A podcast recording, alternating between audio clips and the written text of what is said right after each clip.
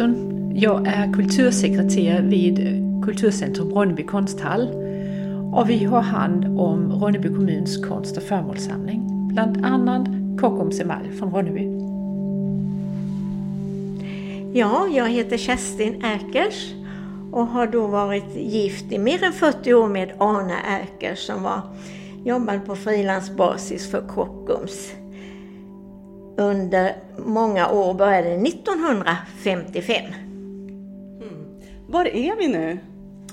Vi är i Ronneby kommuns konstarkiv i en källare. Och jag ska nu inte säga precis var den ligger, men vi är i en källare i Ronneby.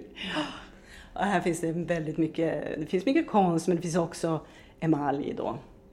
Ut efter väggarna, hur mycket som helst står där. Väldigt fint. Ja, det är ett antal tusen föremål mm. som är från fabriken i Ronneby. Ja. Vilken fabrik? Kockums Emalj Ronneby. Mm.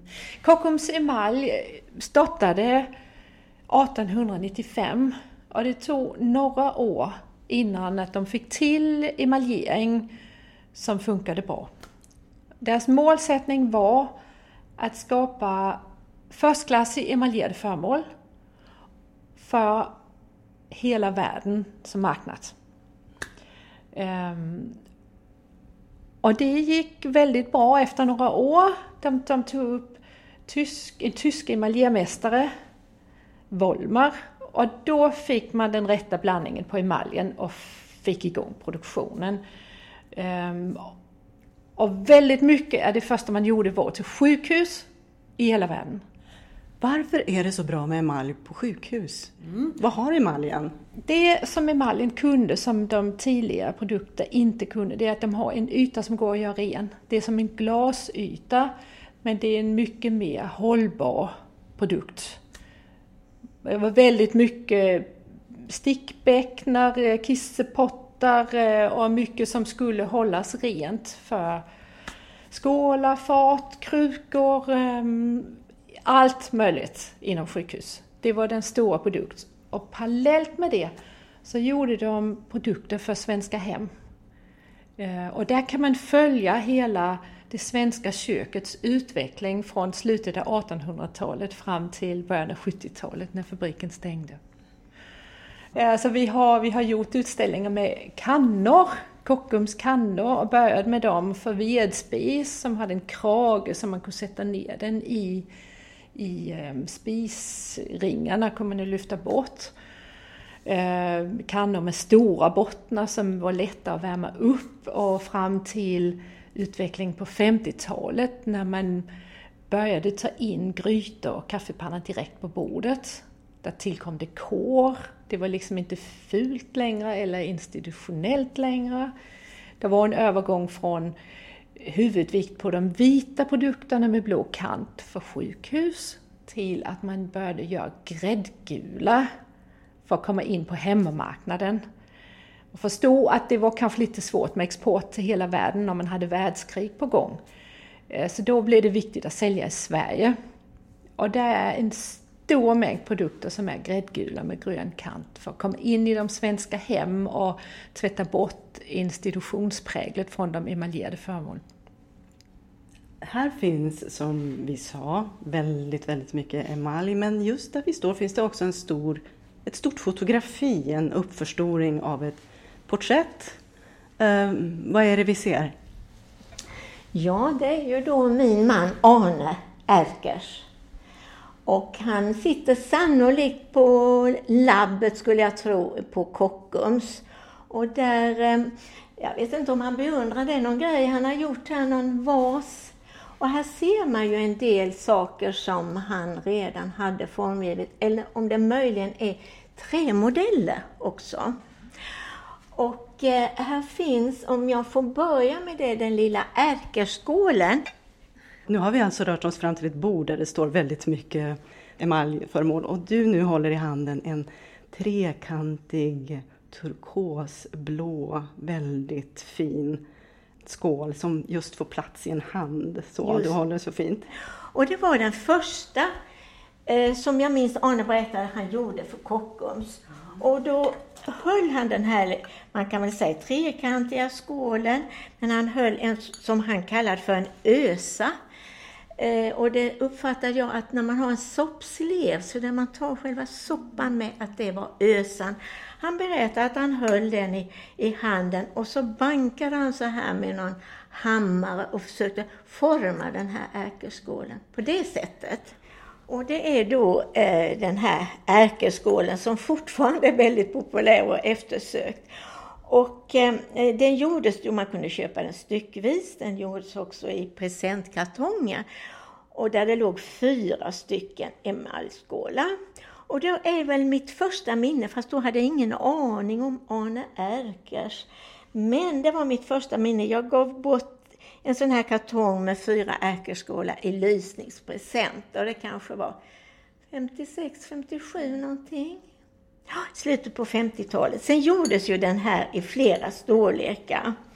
En mellan och sen då en större. Och eh, även om jag är part i målet så, så är det väldigt användbara och emaljen är ju fantastisk emalj. De hade ju ett laboratorium som tog fram den vackra emaljen och eh, det ser vi ju, vi som ser ju här nu hur det riktigt glänser. Mm. Så det var ju då. Och den andra saken, en jul 1962, då skulle jag flytta till ett ungkarlsboende, kallar jag det för, ungflicksboende. Jag hade en kamrat som hade den här lilla charmkannan, en kaffekanna med det här hästsvanshandtaget som vi kanske ska återkomma till. Mm. Och jag, min goda vän hon hade den här gula charmkannan. Och det var bland det första jag skaffade när jag flyttade den gången till Ronneby. Det var den här charmkannan. Säger du charm? Charm, ja. CH, charmkanna. Vad, vad, är det, vad är det, kommer det för ett namn? Ja, det var väl att den var charmerande. Skulle jag tro. Den heter så? Ja, den heter Själva modellen heter Charmkanna. Charmkannan, den går under namnet Charmkanna. Väldigt fina mm. Men eh, om vi ska fortsätta med föremålen som vi har framför oss. Jag misstänker att det finns en historia här som löper ja. genom allt som ja. finns på detta bord. Ja, kastruller, kastruller man kan hälla ur, det är kannor av olika slag, i olika färg, olika storlek. Jag tror att många som hör det här skulle känna igen om man såg dem på bild. Så att, ja. Var, varför ser jag någonting av trä på det här bordet? Ja, det är för att vi har ju, eh, det finns trämodeller. När man, när man formger en, ett föremål i metall så måste man ju ha någonting att utgå ifrån. Nu berättade Kerstin om hur Arne knackade på en soppslev för att få till sin form. Men industriellt där jobbar de med att svarva en modell i trä. Och när man tittar på dem, vi har modell på skärmkannan också eh, och på det här hästsvanshandtaget som gjordes i bakelit. Det är här utskuret i trä och det har han nu jobbat mycket med att hålla. Ja. Ja, jag måste säga det är ett fantastiskt handtag. Man håller väl, väldigt bra. För det är klart, innan man satte igång en produktion så var det klart viktigt att man fick en bra modell. Mm. Och då provade man sig fram. Och jag vet inte om jag nu ska nämna att det här hästsvanshandtaget, som det kommer att kallas, ersätter ju då ett gammalt handtag på en eh, lite större eh, kaffekanna och det här handtaget i bakelit som då brände, där brände mot plattan eller gasen. Och då kom Arne på det här med det så kallade hästsvanshandtaget som är då vikt, ja du kanske kan förklara ja, det, lite Hästsvanshandtaget det har ju bara, sitter bara fast ja ett punkt på kannan ganska högt upp och ner emot den varma spisen där det är frihållet från den varma plåten. Så vi har ingen smälta exemplar utav det här bagelithandtag, även om vi har ganska många föremål som har använts i hem. Så verkar de att hålla. Ja. Och mycket av formgivningen gick ut på att skapa funktionella former. Um, och sen omsätta det till massproduktion. Och jag har låtit mig berätta att de här trämodellerna användes också för att beräkna storlek på den runda plåt som man sen pressade förmålen ifrån. Det var ju viktigt materialmässigt att man hade tillräckligt stort, men det var ingen anledning att ha det för stort. Jag tycker att det är jättespännande också att se på att mycket av det som Kockums producerade hade ingen namngiven formgivare. Det var fabrikens arbetare som vissa var ju bra på former. Ehm, ett exempel är den här skafferiskålen som, som ursprungligen togs fram till den amerikanska marknaden. Det finns i många olika pastellfärger. Hur skulle du beskriva den? Om man inte ser den? Jag skulle beskriva den som en, som en fyrkantig, som en matlåda, en fyrkantig kvadratisk burk med avrundade hörn. Så man kan stapla dem och man kan ställa dem bredvid varandra och ändå utnyttja platsen i ett kylskåp ganska effektivt. Allt är i emaljerat plåt. Så den går att diska och hålla ren. Inget fastnar i kanterna inuti den. Vi vet inte vem som har formgivit den eller färgsatt den. Och jag tror det var en utveckling. Den, den blev, på 60-talet så fick den ett lock i plast som slutade mer tät och där började vi att känna igen vår, vår dags matlåda. Ehm, den kom slutet av 20-talet. Och den känns ju fortfarande väldigt användbar och modern. Mm. Så Kockums var ganska tidiga med att tänka form och också ta in formgivare. Du sa att på 55, 55 hade man ja. knappast hört talas om formgivare. Nej, inte, inte, riktigt inte, ja, Man tänkte inte så mycket på att vem som låg bakom så här. Man tyckte, köpte, jag köpte något som jag tyckte var vackert ofta. Och kände, så mm. var det, mm. ja. Där har vi en rolig, ja. rolig produkt här som är från 1925. Det är en barntallrik och den har en dekor som är en fisk som är svart och röd. Och det var en ung grafisk formgivare i Stockholm, Nerman, som man frågade om han kunde göra dekor för Kockums emalj. Och han gjorde det, gjorde en hel serie med djur. Han gjorde ju senare sol, tändsticksasken Solstickan och, och kanske det han är mest känd för. Det var ganska nytt att göra produkt för barn. Och vi har den här framför oss. Ja. Den här lilla barntallriken ja. med fisk. Tidigare så hade man dekaler som man kunde köpa och sätta på som dekor för att det skulle bli lite roligare att äta sin gröt. Så att ät till du ser elefanten. Ja, mm. ja. Eh, men Kockums vill skapa sin egen. Så de tog fram, fick, han, fick eh, Einar Nerman att ta fram ett mönster som man kunde skapa med schabloner. Så tallriken blev emaljerad och sen la man första schablon på. Mm, och här har vi då en metalltallrik ja. i samma storlek Precis. som emaljtallriken, men utskuret fiskens mönster ja, mitt på. Och då spraymålade man först första schablon, så blir den lyft bort. Och sen har vi nästa svarta, för det här är som ett schackrutigt mönster. Och då måste man ha två olika för att få till alla rutorna i det schackrutiga mönster. Just det, här ja. har vi lager nummer två här. Lager då, nummer två, också svart. Mm. Och sen när det är klart, då lägger vi på svansfenan och huvudet och sen målas det rött. Väldigt fint. Och det var ju ett mönster som Kockums hade ensamrätt på, för ingen annan kunde återskapa det. De hade ritningarna, de hade schablonerna, nu kör vi. Det är bara vi som har det. det fanns... 1925.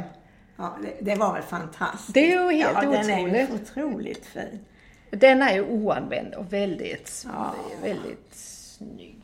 Vi har ju också kantstötta och, och använda med de andra djuren på. Så de var väldigt framsynta med det. Jag kan nämna bara storleken på produktionen. Att under första världskrig när Kockums hade sin allra största produktion, där tillverkade de 30 000 föremål per dygn i fabriken. Det var fantastiskt. måste Då är det viktigt att ha hela världen som marknad. Ja. Ja, fantastiskt. fantastiskt. Men, men när igen kom din man att börja göra saker för... Han började då 1955 för Kockums. Han hade ju naturligtvis arbetat tidigare för andra företag, men då, då blev det att Kockums skulle försöka göra lite mer moderna saker som, i tiden. Och då blev det som sagt att han började med den här lilla ärkerskålen. Så den var först? Det var först för Arnes räkning på Kockums och sen följde det ju undan för undan. Och eh, den här med en svart liten, liten gräddkanna i emalj då som sen fick ett plastlock. Det var alltså till att ha grädde i. Och där ser vi modellen, det var du kanske inne på. Och då hade man sockret i en svart. Det är rätt elegant kan jag tycka. En svart eh, sån här liten ärkeskål för sockerbitar som var, man har använt förr mer än idag. Och sen den här, den här lilla för grädd, och grädde eller mjölk. Och sen ser man ju här, den var faktiskt ny för mig. Jag har aldrig sett den här modellen tidigare, den här trämodellen. Så det var naturligtvis väldigt viktigt att göra trämodeller för att det, för man kunde se då hur det, produkten skulle se ut och kanske också ändra lite. Och säkert också testa det här, hur, hur har man den i handen? Hur, hur känns den? Absolut. Hur blir den att tillverka? Ja. Funkar den formen? Ska den vara, Mm. ska den ha tunna hals? Ska den vara högre? Ska den, hur vill vi ha Ja. den? Det var, måste jag säga när du säger det här med tillverkning, det tänkte Arne mycket på hur det skulle vara att tillverka saker och ting. För det är ju också en kostnadsfråga och ofta när det gäller även andra saker att materialkostnader, man fick tänka på den. Och den här är ju, ja, den är elegant i mitt tycke. Hur, hur var det då ehm, när det gällde att avväga just formgivningen rent estetiskt och användbarheten? Ja, jag tror nog att Arne, han var mer, det skulle vara praktiskt framför allt. Och kännas bra i handen. Det var han väldigt noga med, att det är en grej som man, man skulle hålla i att handtaget. Och lika som man säger i den här lilla gräddkannan, hur väl den ligger i handen. Och eh, sen klart det estetiska, det får man ju inte glömma bort. Och eh, jag tycker väl själv den här framkannan har hållit sig väldigt väl. Och eh, sen var det ju Kockums som lät ju göra sina produkter. Det skulle vara mönster, för det såldes väl bra Men mönster. Det var inte Arnes idé alls. Vi har en vit kanna här framför oss som har något som ser ut som Blekingesöm i rosa och ljusblått. Just det, det var, det anlitade de då någon eh, kvinnlig designer som ritade det här mönstret som min man kallade för kostingsmönstret. Men eh, han var som sagt och tyckte mest det skulle vara rent. Han tyckte bäst om det rena. Sen klart fanns det väl dekor som Kockums hade mycket det här med eh, murgröna. Och eh, den är ju mycket lättare att fördra. Men det är ju mitt, mitt sätt att se det. Sen har vi flera kannor som är lite liksom mindre, ja, de är lite högre och har eh, annorlunda pipar och ja, Detta är Sigurd Perssons design. det är Den här tydligt stor skillnad får man säga. Väldigt stor skillnad. väldigt ehm, lite mer raka linjer. Ehm, den heter Sjömannen. Den här. Och det som blir extra spännande det är att han har använt sig av Arne Erkers hästsvanshandtag på denna. Och det är ju lite spännande. Det har vi pratat Absolut. lite om. Ja. om. Det måste ju Arne ha vetat om och, och sagt ja det är okej, vill ni ha den så. Och jag kan ju bara gissa om 50-talet för jag var inte ens född då. Men det känns som att man har använt element på olika produkter för att vi måste ha en knopp. Ja men den här funkar bra. Den tar vi. Och hur blir den på en gryta? Ah, här vill jag nog ha, det är ett lite större lock. Jag vill ha den plattare knoppen som är samma som, som på charmkannan. Men den här lite, lite mindre ruta, den blir lite kaxig om vi tar den här raka. Vi tar den. Så det gick Och det lite åt alla känns som håll. att det har varit fabrikens eh, rättighet att göra så. Att byta element, Använda. blanda lite. Ja. Det jag lägger till dekor på Arne Erkers salladsskål, det var nog inte heller riktigt hans val. Nej. Så eh, det var 60-tal och sen så blev det 70-tal. Och eh, emaljproduktionen pågick fortfarande. Det gick nog sämre och sämre under sent 60-tal, början av 70-talet. Och så stängde fabriken egen produktion 72, 73. De tillverkade lite produkter åt andra i några år och sen stängdes ner helt och hållet. Väldigt många av de produkter de hade som grytor och kittlar gjordes i rostfritt. Spannar i plast, baljor i plast, eh, förvaringsskålar, matlådor, skafferiskålar. Allt, allt det ersattes till stor del av plast. Ja, Så det- de klarade inte den Nej, konkurrens så var det. då. Så var det. Plasten konkurrerade ut emaljen. Och sen var det ju en hel del emalj utifrån, emaljföremål utifrån eh, som ett annat prisläge, var också mycket sämre emalj. Men eh, nu ska jag gå och hämta en, en vas som också är rätt så vacker i mitt tycke. Ska jag hjälpa dem med att lyfta ner den? Ja, du kan ta den här. Den är in... Ta den bruna, den är sepiabrun. Ja, den här. Ja, nu är denna röd, men den är, ju- den är ganska... Jag vet inte hur mycket det såldes en, sån här vas. Det kanske mer att sätta på golvet. Kan du förklara Jag har formen s- bättre än mig? Ja, alltså det är en vas som är ungefär 30 centimeter hög, kanske lite högre. Ehm, Den har lite, lite axlar. eh, Ungefär lika stor öppning uppe som den är i botten och sen blir den lite tjockare, två tredjedelar upp. Fin för höga blommor. Och den, nu tittar jag under kanten, eh, för där är just det som Kockums var så suveräna på, det var att emaljera runt kanter så emaljen satt kvar. Eh, Sen har de fler, de emaljerade fler gånger, tre, fyra lager ofta.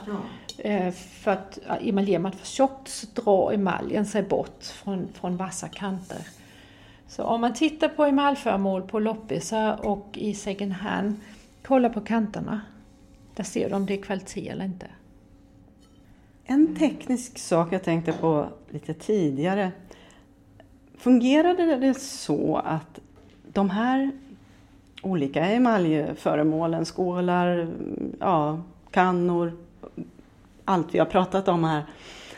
Eh, när man gjorde själva, i fabriken då, gjorde formen, gjordes det från en plåtbit som pressades till rätt form? Ja, det gjorde det. det, gjorde.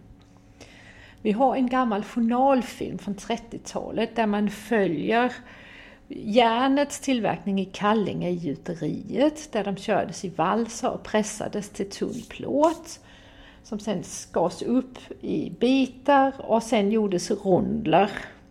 Det allra mesta utgår ifrån den runda formen. Och sen pressas de och det är nästan som när man, när man ser en keramiker dra upp lera i olika former där man formade föremålet lite i sänder.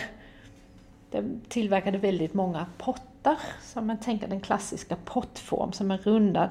Den började med att bli en cylinder och sen pressades den på olika steg till den slutgiltiga form. Piporna, det blev tydligt på denna, den är hopsatt av två halva och där pressas varje halva och sen svetsas ihop skulle jag tro. Det var väl så också mm, som jag har hört att på Kockums att de var speciella. Var och en hade sitt, ja de kanske gjorde många olika saker men till exempel en randare var det något som hette. Det var ju väldigt duktiga som skulle göra den här randen. Nu håller jag i en, en röd kastrull som har då en, en svart rand här. Och det fick ju inte droppa eller så. I utan själva överkanten, överkanten, då, den ja, just det. lilla, liksom lite rundade vikta Ja. kanten som har en egen färg. Ja, och de kallas bestämt för randare. De var väldigt skickliga för det skulle inte droppa. Droppades så blev det ju sekunda. Och det var ju många sådana olika benämningar på arbetarna där vad de, hade, vad de gjorde, var speciellt duktiga på jag säger så. Det som jag har hört mig förtäljas. Ja, hoppsan.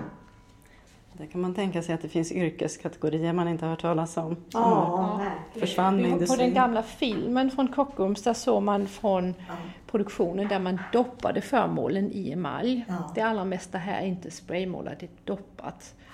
Och där var en jättekärl med flytande emalj. Så var det en man som var uppdragaren. Just det. Och sen var det 8-10 kvinnor runt. Och någonstans i det här gänget var det en som hade till uppdrag att sätta tången, sätta föremålet fast i den tång som uppdragaren höll i när han doppade föremålet. Eh, Och den hade liksom tre punkter på varje sida som höll föremålet. Man ser dem på undersidan här, de här tre. Ja, just Så det. allt även annat var, var fritt för beröring Men någon liten sån här akilles... Eh, någon, Där- någonting där att var- hålla ja. i. Och när de sen kom upp, då var resten av gänget runt, de torkade kanten så inte det blev överflödig emalj på kanten. Så varje produktionsenhet var kanske 12 personer, inklusive uppdragaren. Ja. Rätt fantastiskt. Vi har en gammal granne som jobbade med att sätta fast de här tängarna när hon Oh, var 16 yes. år. Och hennes uppdrag var så ilsken så om tången släppte så kastade han alltihop ner i Nej. emaljen så det sprutade upp på alla i hans arbetslag. Och gapade och skrek. Nej. Ja, och lilla Kerstin sprang upp till sin pappa och sa jag vill inte jobba där längre, jag vill inte jobba där. Nej. Ja. Så det var nog mycket hierarki Ja, inom det var- om, det eh, var det. produktionen. Det var det ju klart. Det var många skickliga och, och naturligtvis ett hårt arbete och beror på vad man gjorde. Naturligtvis Ja. det mesta var väl Ja. hårt. Det är ju säkert tungt att stå Tungt, ja. tio Ja. timmar om dagen och doppa föremål och lämna vidare Ja. dem. Eh, ja. Oj, ja. Måste vara Bullrigt varmt och- också och väl? varmt. Eller? Det Nej, kanske är den bränningen den, då bara? eh, var inte, det är en kall soppa. Och sen skulle föremålen torka. Och sen brändes de. Så kom de ut igen och så en ny uppdragning. Så de hade i alla fall tre gånger på det allra mesta. Det måste varit väldigt många människor som här i Ronneby som jobbade på Kockums. Ja, jag vet inte hur många de var när de var flest, men det känns som att alla familjer hade någon i familjen som jobbade på